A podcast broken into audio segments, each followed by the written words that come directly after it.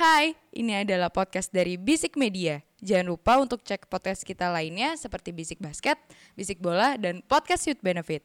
Oh iya, jangan lupa juga follow Instagram kita di @bisikmedia.id. Oke, selamat mendengarkan. Absolute tumble dryer football! utter humiliation. He's done it! He has only gone and done it!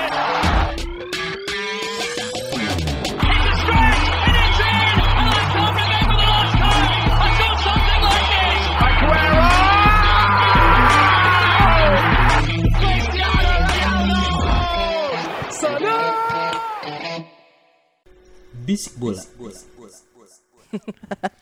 Aduh, perkara jabla. perkara jabla. Apa buat ngebangun suasana Ji? Pumping. Pumping pumpingnya begini banget anjir. Gak apa-apa kan jadi sumringah kita kita ngetek sumringah gitu loh. Iya. Happy. Jadi balik lagi sama gua Aji MKP. Ada Agus Anugrah di sini. Assalamualaikum. ada mm, Edward Gusti Edward alias Gusti. Imo juara of Afcon. Eh. Senegal juara bukan karena Mane Ji, tapi karena Mendy ada di Mister Gawang. Sedap, sedap, sedap, sedap. Eh, sama satu lagi on the line. Hai. Halo semuanya, eh, nama gue Panji, mahasiswa jurusan KVD. Wih, jai, jai, Junior, jai. juniornya Aji. Lu baru sekali, Aji dua kali. Eh, ini openingnya pakai yang tadi ya. Respect. Dari awal. Dari yang pumping tadi yang Oh, pumping. yang pumping ya, oke, oke. Ya udah ba- balik lagi di bisik bola intinya. Thank Bu- you. bukan bukan podcast abal-abal. Suara gue tadi disabarin nih. Ji, aneh dong. cewek aneh dengerin gini ya. Ji, jangan. jangan. oh, apa dong? Oh, podcast bola tapi kita bersenang-senangkan di sini. Eh kita awalnya jangan yang kayak gitu-gitu dong. Oh, kenapa? Kita bisa sholat Jumat. Oh, iya. kayak pemain Chelsea ya. Eh tapi ada yang ada ada yang madol sholat Jumat dah kayaknya itu. Mendy. Mendy. Loh, tipikal ce- cowok bang, udah dapat yang udah mau nggak sholat lagi. Ah iya benar. Kalau ada temen lo tiba-tiba hijrah, betul dia ngejar cewek, udah gitu ah, temen gua ada dua yang begitu. eh, ayo, ayo, podcast bola, podcast bola, podcast bola. Mau bahas apa kita Gus hari ini pertama, Gus? Inilah yang yang kemarin lumayan ini nih, apa?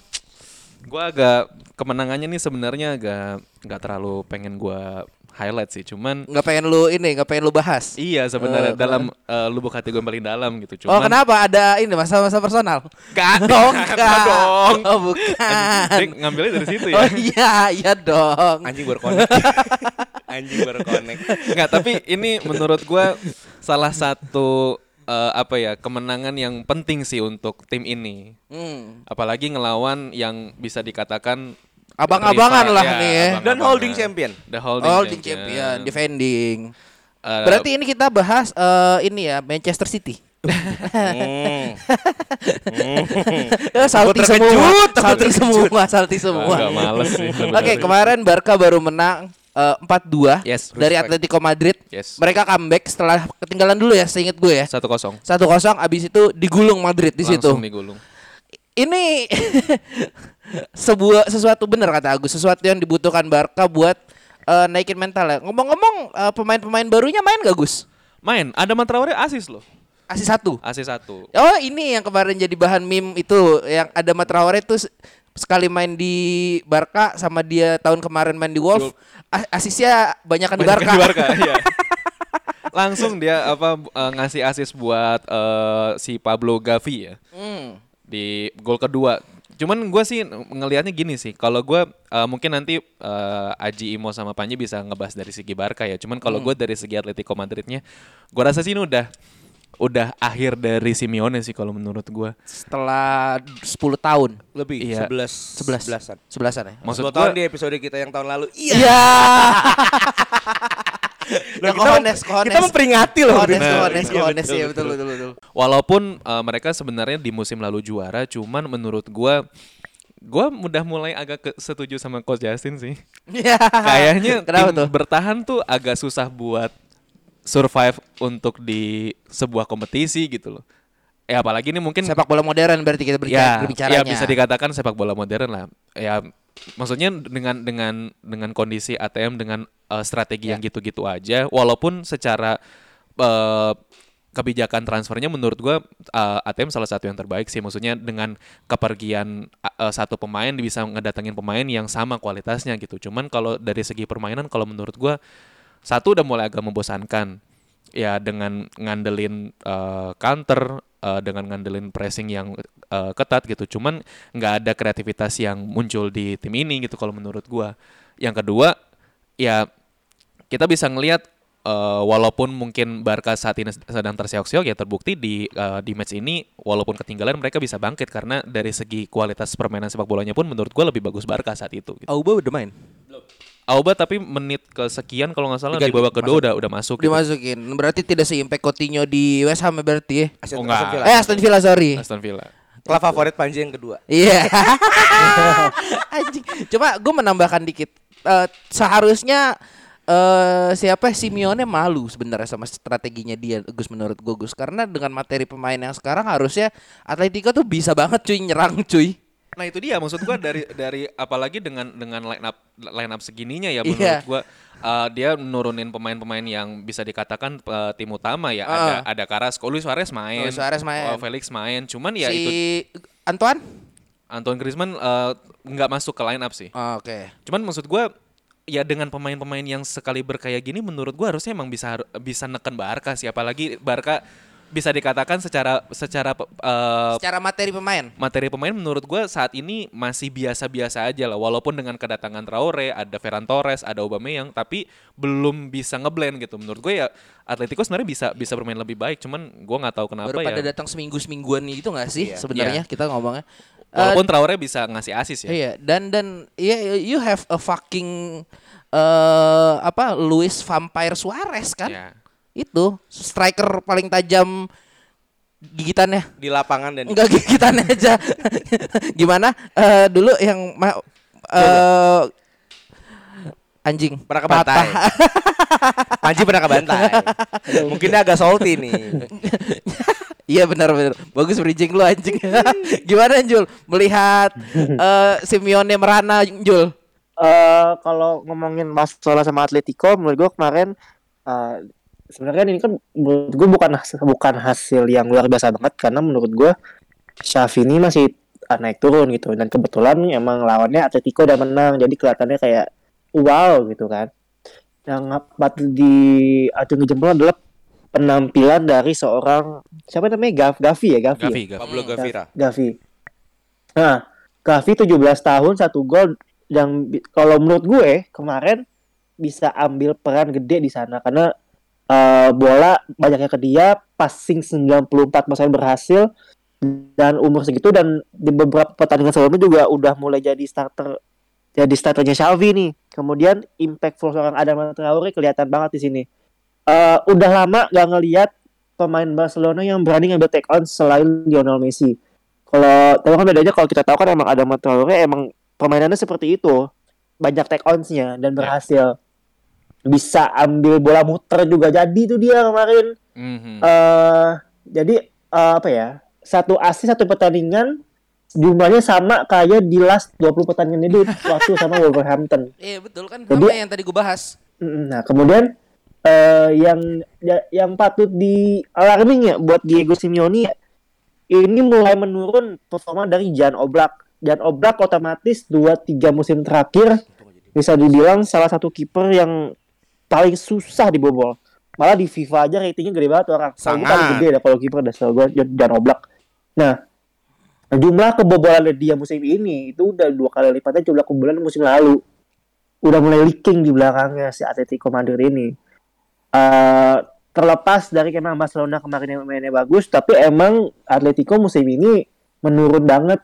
Betul kata Imo defending champion tapi mainnya kayak gini. Hmm. Seperti itu. Jadi kalau misalnya golnya Luis Suarez telat ya nggak udah nggak ngaruh gitu. Kemudian eh Aubameyang masuk ya namanya masih ini kali ya, masih adaptasi kali ya belum kelihatan banget uh, involvementnya ya dan menurut gue yang paling kelihatan ya ada Traore karena emang dia dari awal udah kelihatan main gitu kan jadi good times buat fans Barcelona untuk Chules menarik untuk melihat bagaimana uh, sepak terjangnya uh, ada kemungkinan bagus sih masuk Liga Champions ini 38 poin ya kalau nggak salah ya peringkat 4 ya kalau nggak Ya, salah ya. ya ya. hmm. Nah itu sih kalau dari gue ada Traore sama Gavi kalau gue bagus kemarin. Gue nambahin dikit dulu ya. Mungkin yang salah satu faktor X kenapa ada Traore bisa main bagus menurut gue adalah determinasi dia ketika dia pindah. Eh ada Traore itu orang yang udah berkali-kali ngomong waktu di Wolf juga bahwa dia tuh sebenarnya ya gue nggak mau main di Inggris. Gue mau balik ke Barcelona. Gue mau kebalik ke roots gue ke Spanyol lagi. Dan mungkin itu jadi salah satu faktor tambahan yang menurut gue bisa memunculkan permainan terbaik dia di laga di laga kemarin ya salah satunya. Tapi kalau kita ngomong Jan Oblak gimana mau menurut lu? Mau menurut lu salah Jan Oblaknya apa salah eh, defensive line-nya Atletico? Satu hal saya syukuri adalah saya nggak jadi beli Jan Oblak Iya, 100 juta. 100 juta. Oke, benar. 16 juta better than 100 juta. Juara Men- menang Afcon. Yoi. Iya, si 16 anjing. juta menang AFCON, menang Champions, Yes. menuju juara Piala Dunia antar klub. Yang Amin. 80 juta? menyelamatkan. Ya, lanjut. Tapi kalau emang bicara Barca sama Atletico Madrid, mungkin 5 match terakhir ini adalah penampilan terburuk mereka sebenarnya.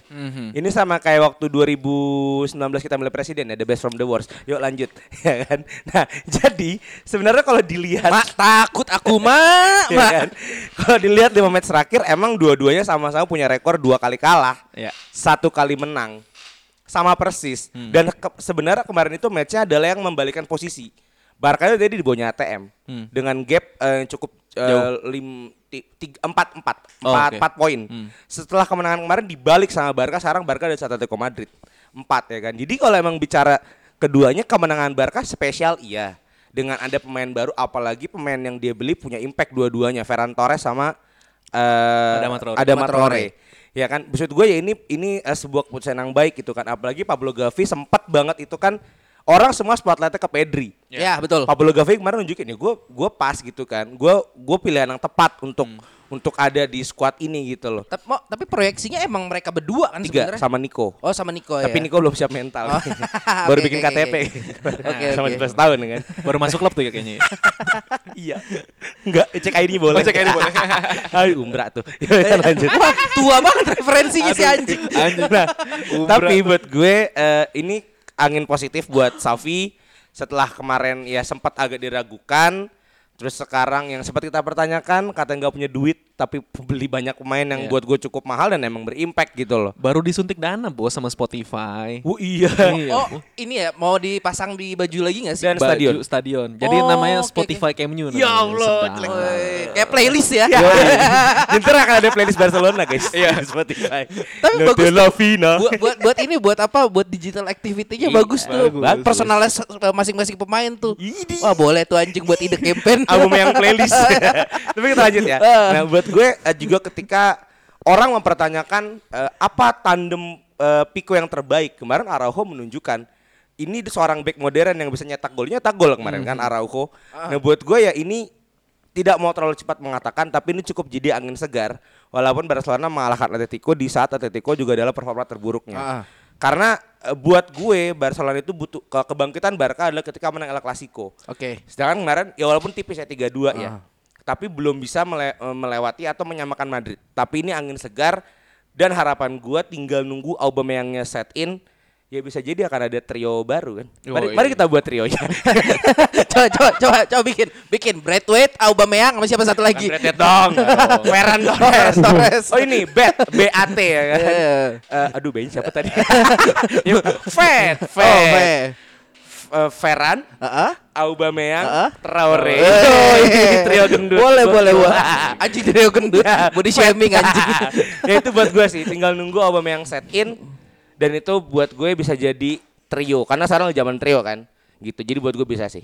Balik lagi kalau gue mau ngomongin Atletico sebenarnya agak ironi ya. Tadi Panji sempat ngebahas Jan Oblak udah kebobolan eh, dua, 30. dua kali Iya. dari total dia ke Kebobolan tahun kemarin. lalu. Ya agak agak ironi dengan Atletico yang gaya bermainnya bertahan di musim ini malah hasil kebobolannya bisa lebih banyak dua kali lipat dari musim lalu. Menurut gua agak jadi pertanyaan sih harusnya. Kalau Anda Atalanta seperti itu wajar. Ya. Karena Atalanta kan tidak ada otak defensif ya. Atlanta kan yang penting lu mau kebobolan berapa? Iya. Lu, bisa plus golin satu, lebih plus satu. N plus satu dia. You still got the point, yo. Oh iya.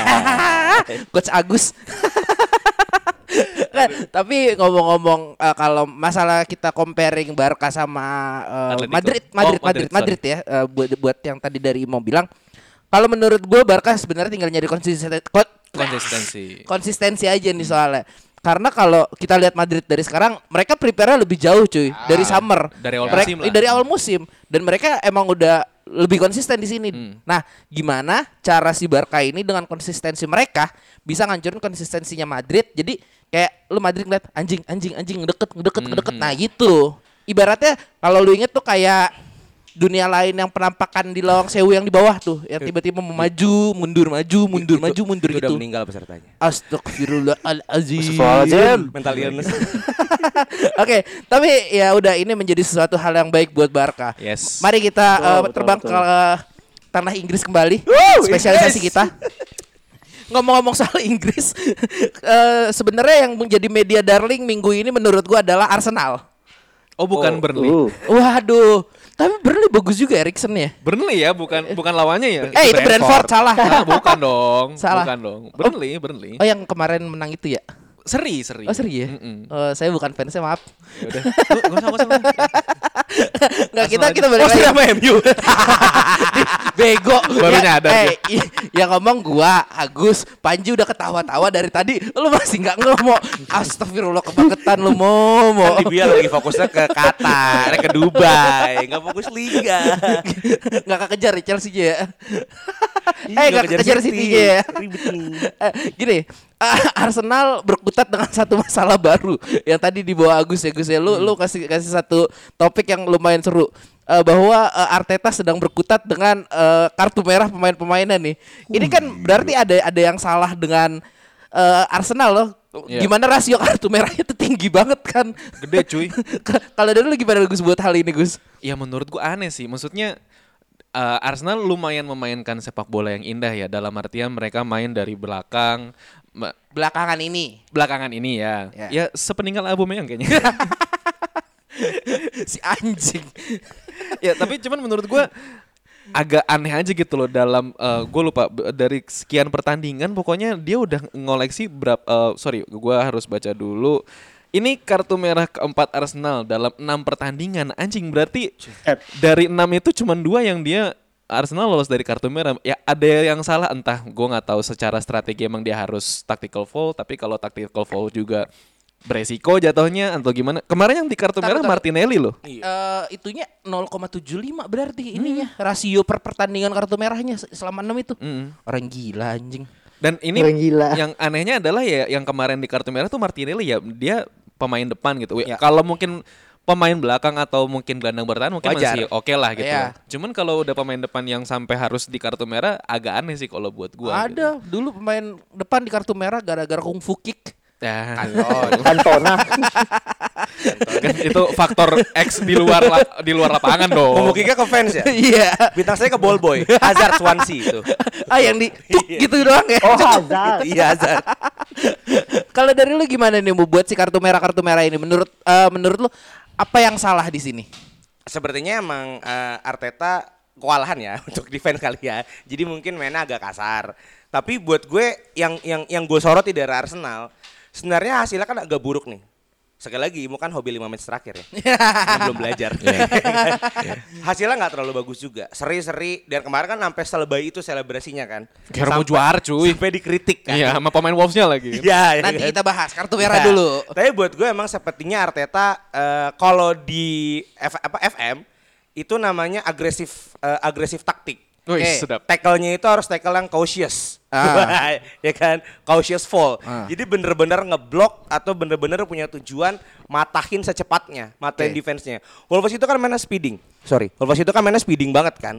Bener-bener bener-bener eh, Taruh, kecepatan, bener-bener open play, bener-bener eh, menyerang banget gitu loh. Nah, buat gue ya memang caranya harus seperti itu. Caranya harus harus melakukan fall yang yang cukup berarti gitu loh. Ah. Itu sebenarnya bahayanya, Ji. Kalau kalau dari lu gimana Jul tentang permasalahan kartu merah ini? Kalau teks lu kayak gimana?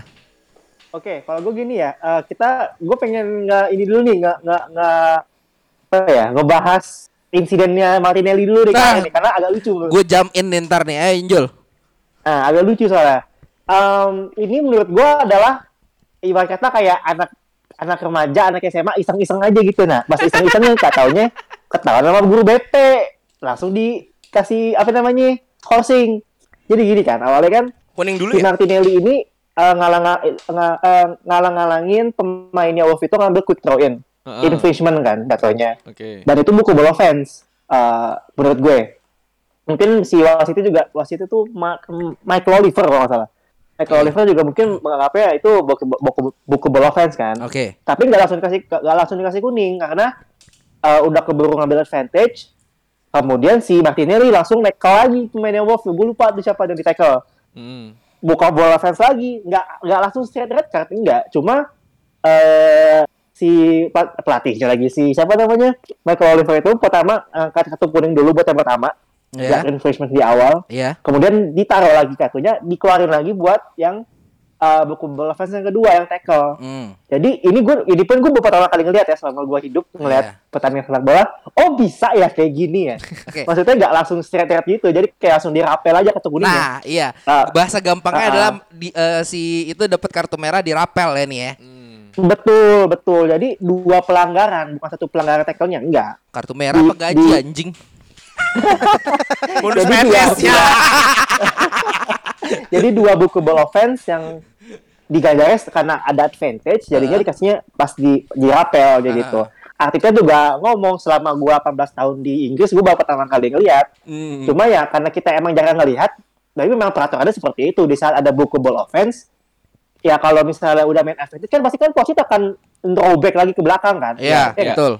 ah tadi pelanggaran nih, gua kasih kuning. Hmm. Kebetulan kemarin Martinelli langsung Hmm. habis infringement, kemudian langsung tackle, jadilah double yellow card seperti itu. Nah, kalau buat yang kayak uh, lima lima kartu lima kartu merah ya? Ya. Lima kartu merah. Empat dari enam. Empat, empat dari enam.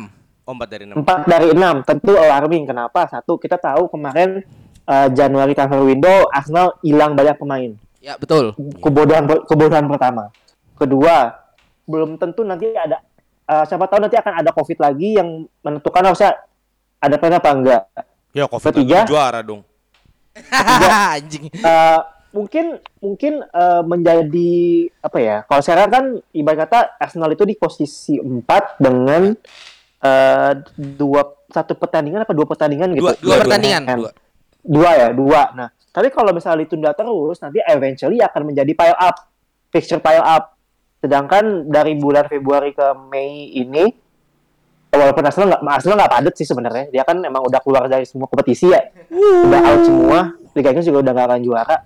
Ya itu sih di situ sih concerningnya alarmingnya di situ. Kalau misalnya kartu merah semua ya main lo habis belum cedera segala macam. Mungkin harus diedukasi lagi sama Arteta. Ini 15 semenjak Arteta masuk ke Arsenal Arsenal itu menjadi tim yang paling banyak dapat kartu merah dari pesaing-pesaingnya. 15 kartu merah eh 7 7 lebih banyak daripada tim-tim yang lain Buset. Wow. jadi sebenarnya Doyan. Mikel Arteta ini pelatih Arsenal apa pelatih PSMS Medan nih? Kasar banget. ya. Waduh. Gitu. Hati-hati, Ji. Hari Oh, Sabtu tuh podcastnya tuh. Hati-hati. Dah, dari gue gitu sih, dari gue gitu. Iya, kalau kalau mungkin kalau dari gua ya buat buat hal Arsenal dan kartu merahnya ini ya. Kalau gue mungkin ngeteknya bukan eh, ke arah teknis di delapan cara dia defense atau lu gimana keras enggak.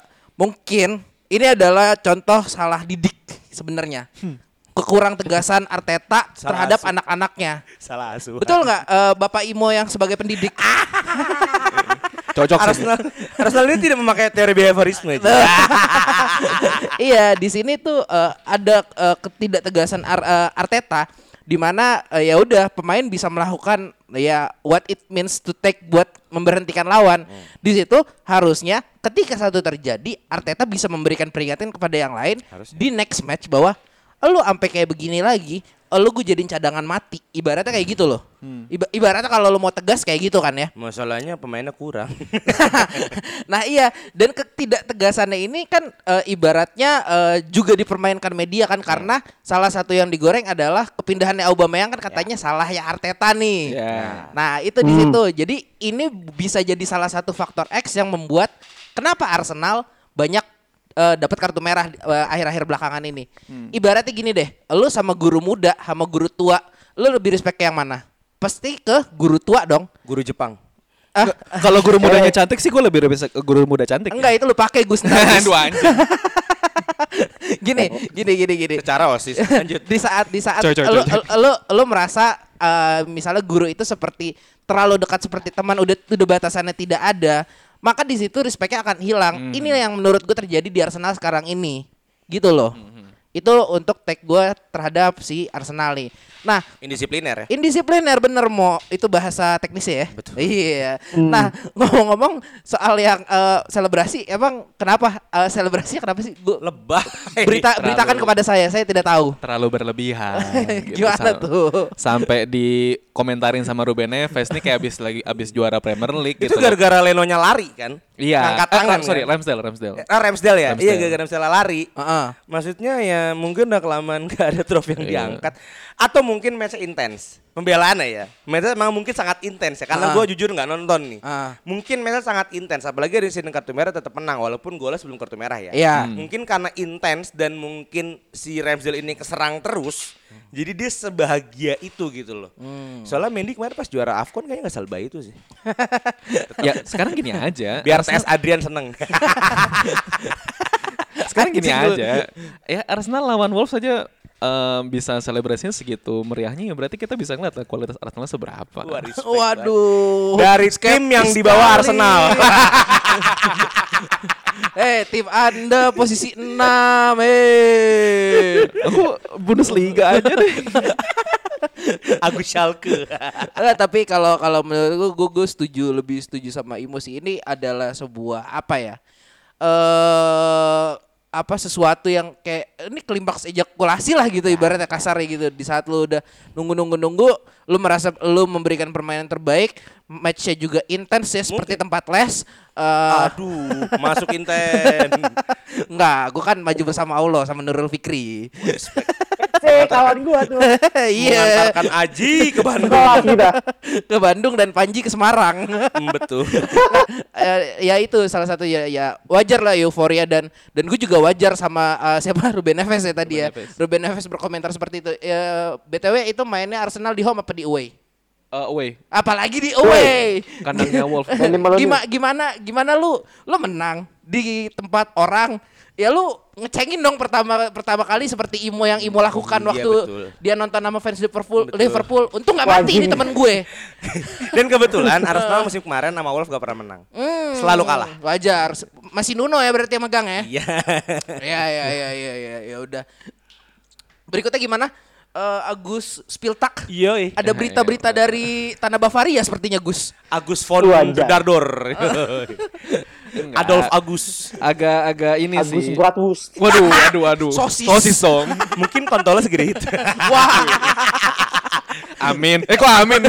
oh, kecil berarti Tapi gendut. Kita berurat mau kuis. berurat berurat eh podcast bola podcast bola podcast bola ayo ya gue abis, abis beberapa kali baca artikel sih kalau nantinya nih Bundesliga ada rencana lah cuman kayaknya gue sih masih punya keyakinan ini nggak akan terjadi sih karena ini menurut gue cuman uang semata aja jadi ada rencana kan eh, PSSI-nya Jerman ini baru ganti kan DFB ya?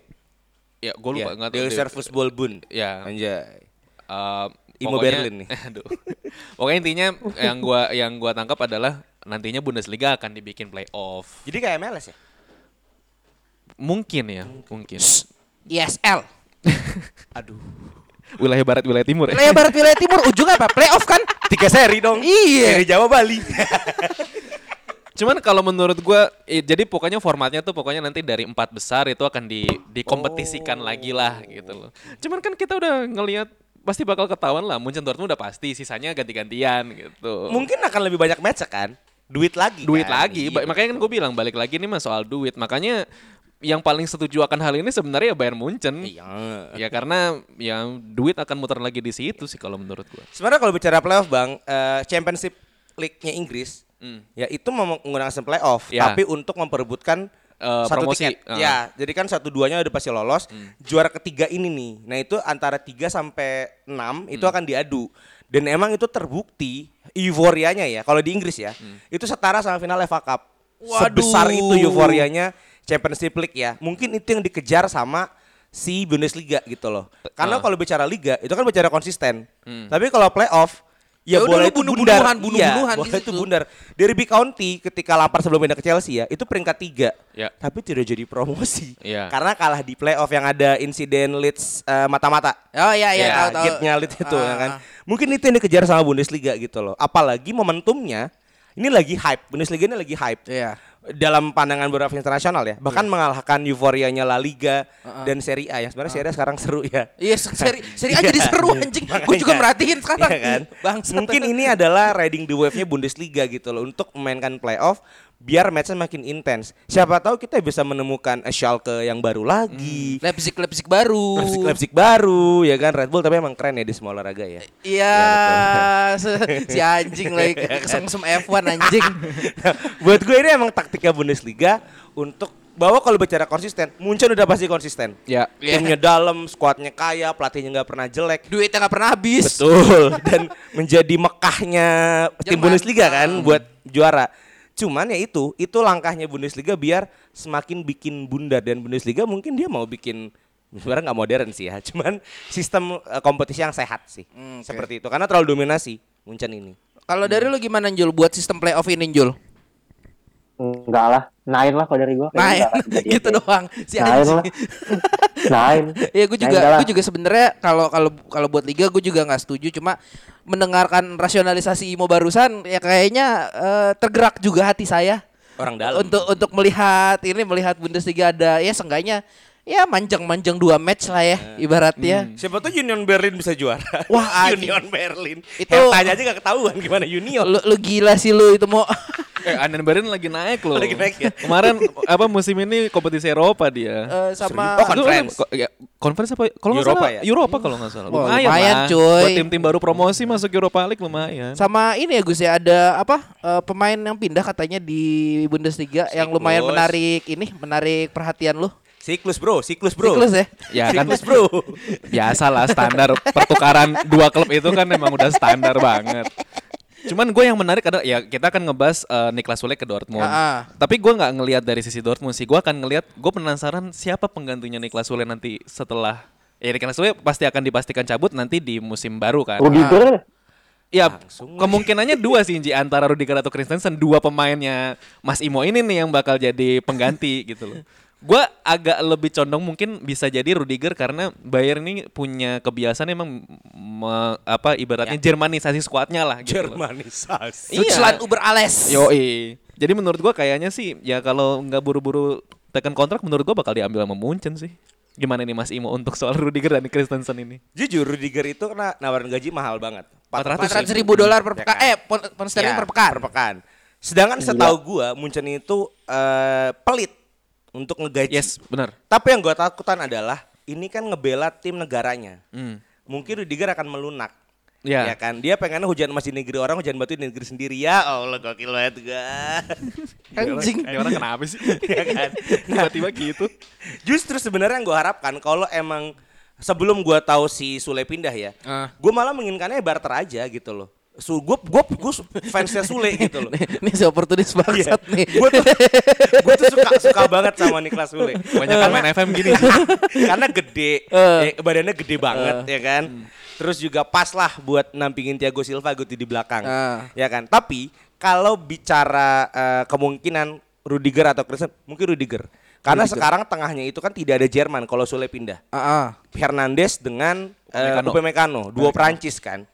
Zaman Prancis kan di 1939 kan perang. kan? Aduh, ke situ lagi. Gua udah duga lagi dia bakal ke situ. Ah, Adolf Gusti. Iya kan. Kemungkinan akan Rudiger gitu loh. Karena Upamecano ini tipikalnya yang eh, stopper di belakang karena gede badannya kan. Dan Rudiger ini yang bisa ball playing yang bisa ke depan gitu. Dan dia kan ya Anda lihat sendiri match-match Chelsea Rudiger itu kan ada di lini terdepan kan. Iya, di depan dari tengah Iya. depan sih sebenarnya. Misalkan Kante di belakang Iya. kan. Feeling gue itu yang yang akan dibeli si Rudiger. Ah. Ya kan ya, yang kemungkinan terbesar Rudiger gitu loh. Sedangkan Christensen performa nggak terlalu naik, ya buat apa lu ngebuang Sule untuk ngebeli seorang Christensen. Tapi positif Christensen adalah umurnya masih muda, Ya, 25. 25. Dan dia masih bisa di develop lebih jauh di Dortmund berarti. Ya, di Munchen. Eh, di Munchen, Ya. sorry.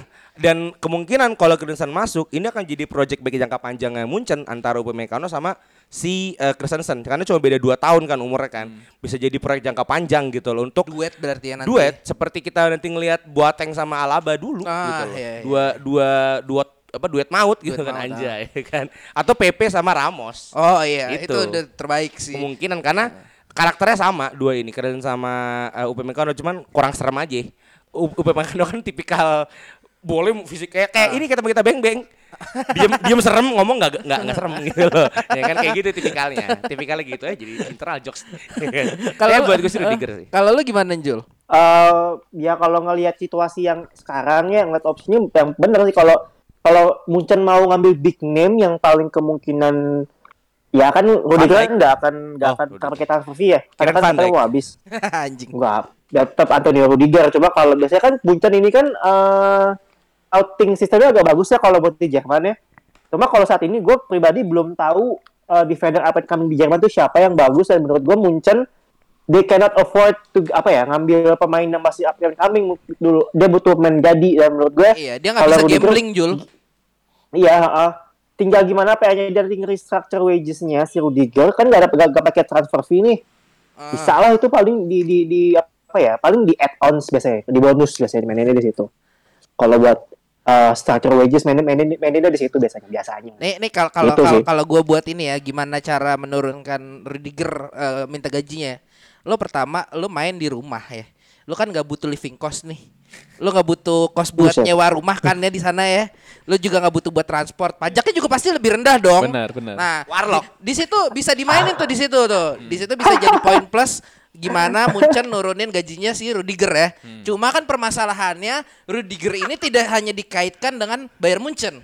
Jangan lupa Rudiger Betul. ini ada dikaitkan juga dengan Real Madrid loh. udah Madrid ngejar Mbappe karena gue lebih ikhlas dia ke Munchen daripada dia ke Madrid Tapi gini mau, lo Madrid belakangnya siapa sekarang anjing? Alaba Anjing. Alaba. Milih tahu? ah, rongsok semua anjing. Nacho Fernandes Nggak, tapi, tapi menurut gua di, di, di saat di saat ada eh, siapa pemain tengahnya Kamavinga, ada Kamavinga, ada Rudiger, itu daya gedornya Madrid gua udah nggak tahu bakal kayak gimana lagi sih nanti sih. Cuma ya menurut gua kalau eh, tapi di Madrid plusnya buat Rudiger adalah dia bisa minta gaji gede. Dia nggak Kaya. nggak akan nggak akan terkena eh, hal-hal yang gue sebut tadi sebelumnya itu loh. Itu. Jadi ya udah gue gue sebenarnya pengen lihat nih si Rudiger tuh mata duitan apa dia akan lebih sensibel pindah ke Munchen gitu Dia loh. kayaknya menikmati tanah Britania sih Masih ada yang ketar-ketir Bung sepertinya. Sekarang kalau gak ada Rudiger Thiago Silva sama siapa? Malangsar. Enggak, tapi tapi tapi kalau kita ngomong back juga ya back back back tengah kan kita udah dari dua season satu season yang lalu kita ngomong nggak ada back tengah mumpuni nih. Paling nongol satu satu satu nggak seamprokan gitu loh juara back tengah maksudnya yang up and coming juara back tengah dua tahun lalu adalah David Upamecano. Iya. Diambil sama Munchen. Oh, Iya. bangsat Munchen ini. bangsat gitu loh. Eh, eh, terus kita mau bahas apa lagi terakhir eh Vlahovic. oh Vlahovic ini Cip, Eh, Juve. Juve sensibel ya beli belinya langsung ada langsung ada kontribusinya nih kalau dari Panji gimana Ji Jauh Vlahovic nih Ji Ya, eh, menarik ya. Banyak yang bilang kalau misalnya pembelian gue selalu gue selalu bingung deh nyebut nama dia. Val Vlahovic Vlahovic Vlahovic. Vlahovic. Ya, Sesuatu yang gampang loh itu Ji, kalau- kayaknya Ji. Dari orang yang tahu Ferenc Varos. Jadi banyak yang bilang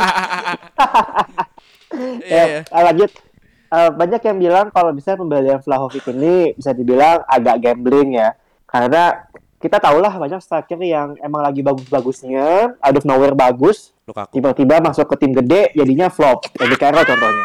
Eh, Micu contohnya. Oh Micu. banyak lah. Oke. Cuy ya. Fernando Torres. Eh, contohnya. Rafael ke United contohnya banyak lah. Kemudian eh, melihat dua pertandingan dua gol pribadi gue secara permainan eh Vlahovic melakukan eh, untuk kontribusi permainan sebenarnya nggak banyak Eh, tapi pada pada pada at the end of the day seorang striker tugasnya adalah untuk mencetak cetak gol gol dan jab dan jab dan gitu. Kalau buat gol pertamanya dia waktu lawan debutnya tuh lawan siapa gue lupa. Cuma kan golnya kan ya gol striker gitu. Dia dapat ball, two ball, shoot, chip chip shoot masuk. Nah kalau kemarin lawan Sassuolo ya. Iya, Piala Solo ya akademinya Juve ya akademinya Juve Akademi Juve, ah. Ya, lanjut Pak Southampton Liverpool. Em, dia nendang tapi deflection walau? Goblok. Ya dia nendang kena kena back masuk gitu. Hmm. Yang emang gol-gol eh, apa ya? Ya emang gol-golnya striker seperti itu lo masuk ke kotak 16 besar ya lo buat tendang mau tendang kayak gimana kayak mau flush kayak mau apa yang penting gol. Nah, menarik ini. Nanti dia kan ketemu semifinal ketemu Fiorentina setahu seinget gue tuh. Hmm. Berarti ya yang yang akan jadi highlight lo adalah bagaimana nanti dia mengatasi eh, mantan timnya ini ya. Apakah performance tetap Ya, bisa sama kayak gitu kan- atau enggak? Heeh. Iya sama kayak gini aja pertandingan leading up to that match gitu. Eh, kan mungkin ada ada dua dua pertandingan sebelum pertandingan itu ya. Kita lihat nih biasanya kan kita kan kalau di bisik bola kan kalau mau bahas pemain kan tunggu dulu lah lima pertandingan tunggu dulu lah sepuluh pertandingan. Nah baru nanti kita bahas lagi tuh. Kira-kira emang bagus apa kagak sih di Kumbelia tapi se- so far melihat kontribusi golnya sih ya you, they got their money's worth lah kalau menurut gue Oke. Juve Gue sebenarnya agak agak meragukan eh, Juventus ini meminjam istilah basic basket ya, punya big man gitu loh di depan. Waduh. Sedap, sedap, sedap. Sedap kan nonton Waduh. Rugby BL nih. kan? Sedap, sedap.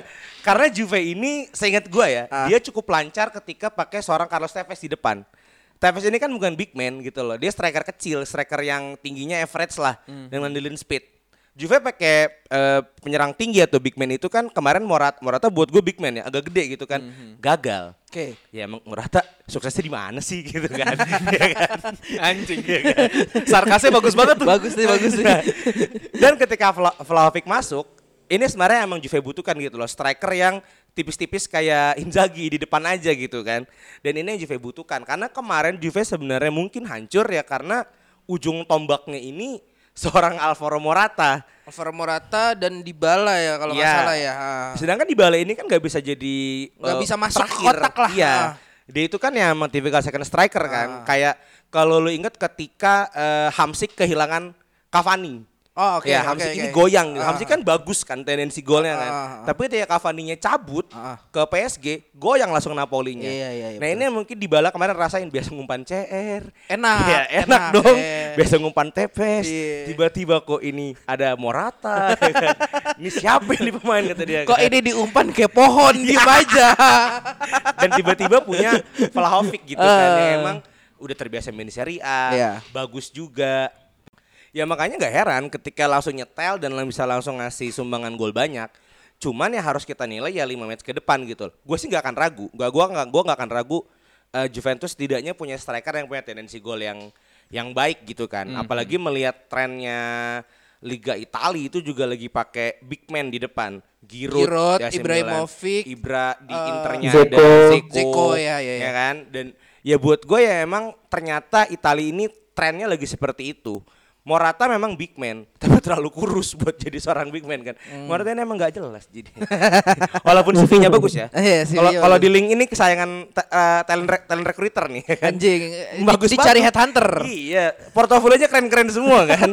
Cuman ya udah mediocre mediocre aja. Jadi buat gue ya, tapi untuk untuk ngejar juara tahun ini jauh lah. Dari dari kata Jauh. juara Juventus jauh gitu loh. Eh susah lah ngejar Ya. Inter cuy. Ya uniknya Ji Liga Italia, baru tadi ngecek ya. Liga Italia itu peringkat satu, Inter itu 53 poin. Oke.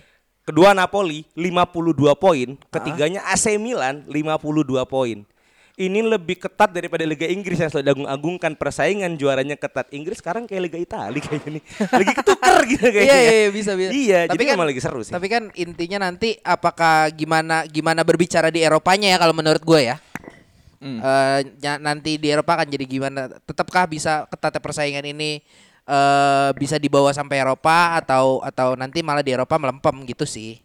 jauh, jauh dari kata Eropa. Italia ini kan selalu terkenal di Eropa cuma jadi penghibur. Walaupun Juve lolos ya. Ya. dan ketemu Villarreal ya. Ah. Cuman kualitas Serie A itu di di Eropa jauh jauh jauh dari kata pantas gitu loh Mentalnya belum ada. Ini gue keras banget kayaknya ke Liga Italia ya. Ah, ya, Love you. sentimen sentimen pribadi. Enggak, enggak ada, enggak ada, enggak ada. Kalau dari lu gimana nih? Aku suka Inter kok. Buat Vlahovic Gus.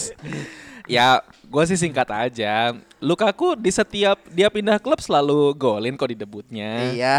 Kita lihat terakhir aja kayak gimana. Golin Mar Al Hilal. Golin. Cuman kan ada desas-desus yang Ya. begitu-begitu. Yang penting Vlahovic nggak nyium badge bang. Ah, iya benar. Eh, emang gimana? Emang, emang kenapa tuh kalau jembet coba coba coba. coba. Lukaku selalu mencium badge klub ya dan bilang ini adalah klub terbaik. Lah kakak, lah kakak. Seperti ular, seperti ular. Cocok dong main di Inter. Iya. Iya. Bangsa. Dan sih gue singkatnya gitu aja Vlahovic masih muda masih banyak yang harus dibuktiin apalagi dua minggu ke depan akan main eh, lawan Villarreal ya. Ya. harus ada banyak pembuktian sih ya kemarin dua gol menurut gua start yang bagus cuman ya harus dipertahanin sih Oh iya udah udah bisa dibawa ya eh, transfer tengah musim ya sekarang di Champions ya gue lupa. Fiorentina kan nggak main. Fiorentina nggak di champion Oh iya Fiorentina yang nggak di Champions. Oke oke oke. Nah buat topik pembahasan terakhir adalah nih pemain pemain bola lagi doyan bikin berita-berita aneh. khususnya Premier League ya Iya bener bener bener bener bener. Setelah kemarin ada eh, anak muda sange, sekarang eh, ini kasusnya sudah pernah ada di Indonesia. Cuma waktu itu verbal aja. Kalau ini kan Ya. ada buktinya nih. Ada kontak fisiknya Ada kontak fisiknya, iya. Di tackle kucing cuy, nggak ada Iya, otaknya iya. emang. Menurut gimana Gus? Si, si siapa? Aduh namanya gue Kurt lupa. Zouma. Kurt Zouma. Masa depan back Chelsea tapi dijual. Karena Kurt Zouma nendang Ba- kucing anjing. lu bayangin deh, lu lu bayangin deh, lu main bola, lu bayangin gimana reputasi dia, apa yang selama ini dia capai, eh, produk-produk apa yang udah ngikut sama dia, semuanya hilang hanya karena dia nekel kucing gitu loh. Menurut gua udah nggak banget aja sih kalau menurut gua ya Allah. Apalagi mungkin mungkin ya komunitas kucing di sana sangat-sangat eh, superior gitu ya. Hati-hati. Di sana. ya. Iya, iya, iya, iya, iya. Komunitas cat lovers. Iya, komunitas kucing di sana. Iya. Saya nggak bahas yang di negara lain ya. Iya, iya. Di Inggris gitu. Mungkin dia lebih superior. Makanya bisa mempengaruhi sampai ke karir gitu loh. Itu aja sih kalau dari gue. Kalau ada yang mau tambahin gak mau buat kucing-kucingan ini mau. Kita tarik Kurzoma ini kan muslim ya. Kayaknya dia di ban gara-gara ustadznya bilang ini kesayangan Rasul. Kurzoma, jangan kamu tackle ya kan. Mungkin itu ya. Cuman sepertinya memang eh, kesalahan-kesalahan kayak gini eh, ya kucing itu kan every everybody darling lah. Ya, Ini everyone dar everyone darling. Everyone darling gitu kan. Semua cinta kucing gitu Iya. kan. Dan satu gue belum baca dan gue purpose dia tuh apa nekel kucing. Hmm. Ya kan? Apakah dia dog lovers? Oh. Waduh. Mari kita adu domba. Orang-orang adu domba seperti ini nih. atau dia Tom and Jerry lovers kita kan Iya, nggak tahu iya, ya. iya, iya, Tapi iya. buat gua ya yang ya once again eh, mungkin agak jauh dari sepak bola ini kan namanya cancel culture kan. Iya. Cuma gara-gara ada Aji ya. Aji kan pop culture banget. Iya. Parah, parah. parah. Aji Tirto. Aji USS Fits. Aji Creative Fox. ya kan. Nah buat gue ya welcome ini to the cave. Aji Jejo. nah buat gue ya ini eh, dampaknya ketika cancel culture ini menggelora orang dinilai mungkin kalau buat sebagian orang ini kasus yang sangat sepele. ya. Ya head to head sama kayu hijau jauh. Oh jauh itu itu, itu, kriminal. pelanggaran hukum Ya, jelas. kalau ini kan mungkin diiseng ya kan. Ih kucing lucu deh, ah ketekel gitu kan mungkin ya. Cuman dengan hukuman cabut beran atau apa, mungkin ini hanya punishment sementara, mungkin ya. Kalau buat gue ya, sampai Zoma bikin klarifikasi, mungkin dia somasi kemarin ya sama Persatuan Lawyer Inggris, mungkin ya kan. Dia harus bikin permintaan maaf 7 kali 24 jam, mungkin ya kan. Di upload di ini IGTV. IGTV Oke. atau Reels sekarang ya. Ya. Mungkin itu ya. Reels satu menit doang Oh anjing. iya. Zoma kan cepet ngomongnya kan.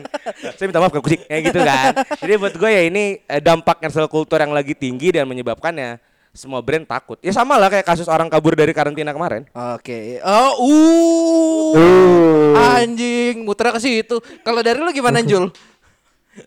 Ya gua sebagai pecinta kucingnya sebagai pussy lover, pussy lover kucing ya. ini beda nih, Bukan ini beda yang, nih. bukan yang lain ya. Cat lovers. Hey, pussy itu beda. pussy lover. Camel tuh boleh, camel tuh. Ya Allah.